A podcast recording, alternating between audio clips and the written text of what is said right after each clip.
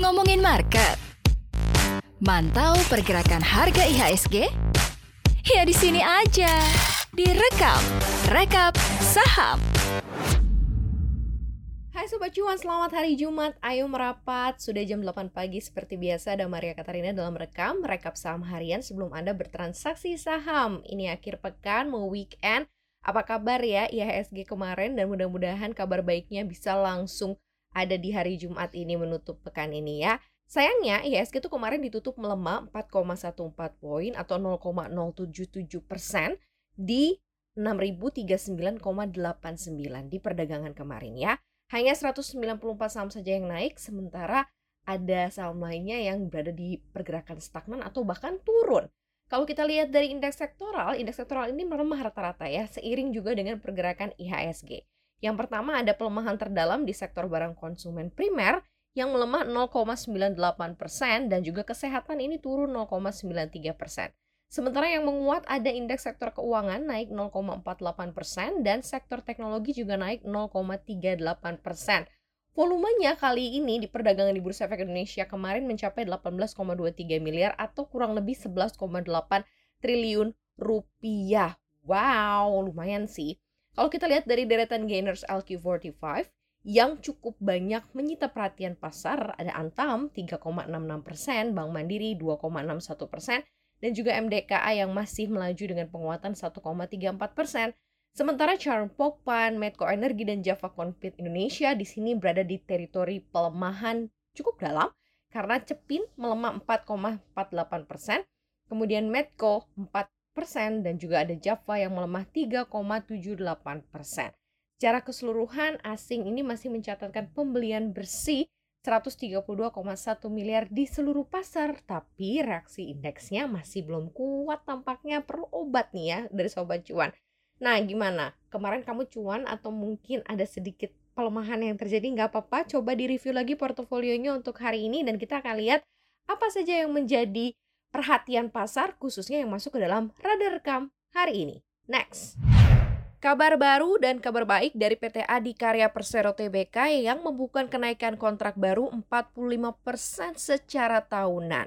Dan hal ini sudah disampaikan secara langsung oleh Sekretaris Perusahaan Adi, Farid Budianto, yang menjelaskan pada di semester 1 2021 perusahaan ini merealisasikan perolehan kontrak baru sampai dengan 6,7 triliun rupiah.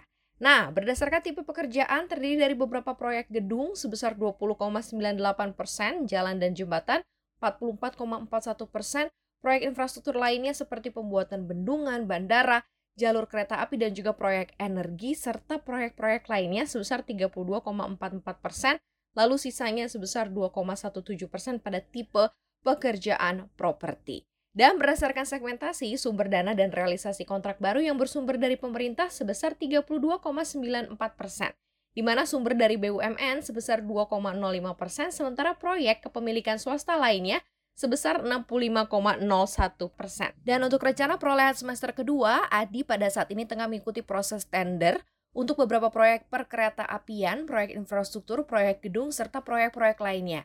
Di mana estimasi capaian perolehan kontrak untuk paruh kedua tahun ini akan berkisar senilai 18 triliun hingga 19 triliun rupiah.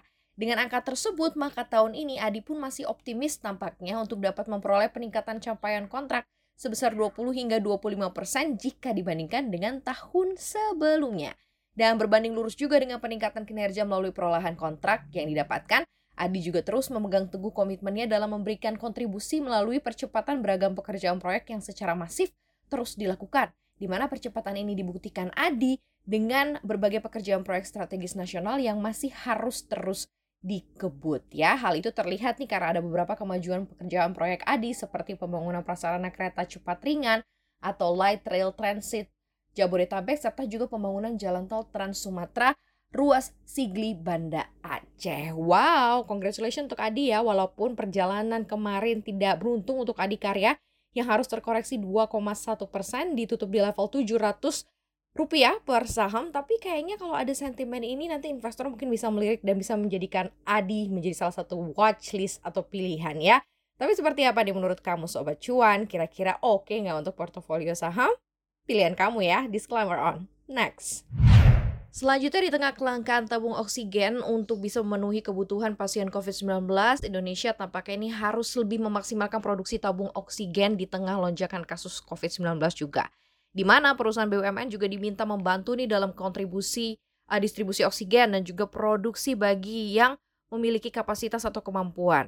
Dan ini juga sudah diungkapkan nih dari rapat dengar pendapat Komisi 6 dengan Menteri BUMN Erick Thohir, di mana Erick menjelaskan sampai saat ini BUMN tidak ada yang punya pabrik pemrosesan oksigen hanya sektor swasta yang punya karena selama ini kebutuhan juga kebanyakan untuk industri hanya 29% yang digunakan juga untuk kesehatan.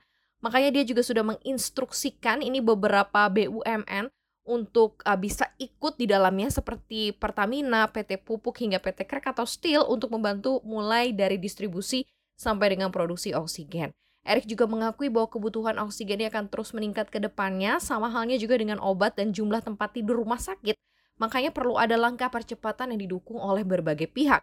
Sementara itu, Menteri Koordinator Bidang Kemaritiman dan Investasi Luhut Binsar Panjaitan juga meminta dan menekankan pengadaan serta juga penambahan dari kapasitas jumlah oksigen pasien COVID-19 dipercepat sehingga bisa digunakan para pasien yang sedang dirawat. Dan Luhut juga meminta pengadaan dan juga penambahan jumlah oksigen untuk pasien COVID-19 ini harus melibatkan banyak pihak, di mana secara keseluruhan tetap harus tetap uh, taat hukum ya. Jangan sampai pengadaan bermasalah di masa depan walaupun saat ini sudah ada direksi atau diskresi yang diberikan pada masa darurat.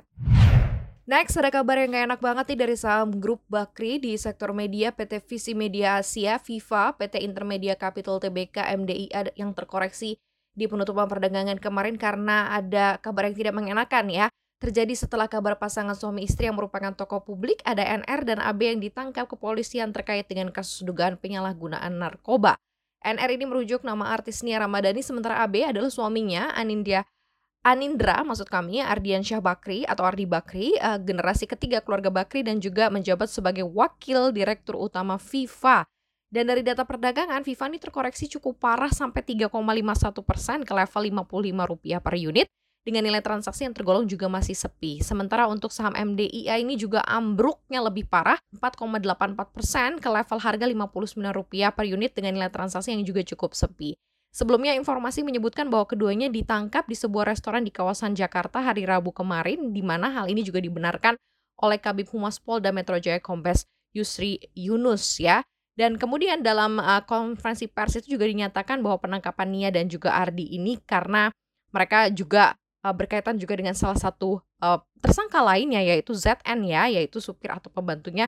Dan juga kalau bisa dikatakan kondisi ini ya kembali lagi ya agak-agak membuat galau investor terhadap pilihan-pilihan saham. Termasuk karena kan uh, mereka pengusaha-pengusaha yang luar biasa ya salah satunya juga pengusaha perusahaan TBK ya itu kembali lagi deh untuk semuanya sobat cuan ya dikembalikan lagi untuk bisa memilih seperti apa saham yang bisa jadi uh, portofolio seperti apa perusahaan yang bisa jadi portofolio juga bebas lah buat sobat cuan Oke demikianlah rekam rekap saham harian sebelum kamu bertransaksi saham edisi hari Jumat hari ini sudah mau weekend jadi harus tetap jaga kesehatan ingat kita masih harus tetap protokol kesehatan ya dan masih harus tetap ada di rumah aja supaya kita bisa memutus mata rantai penyebaran COVID-19.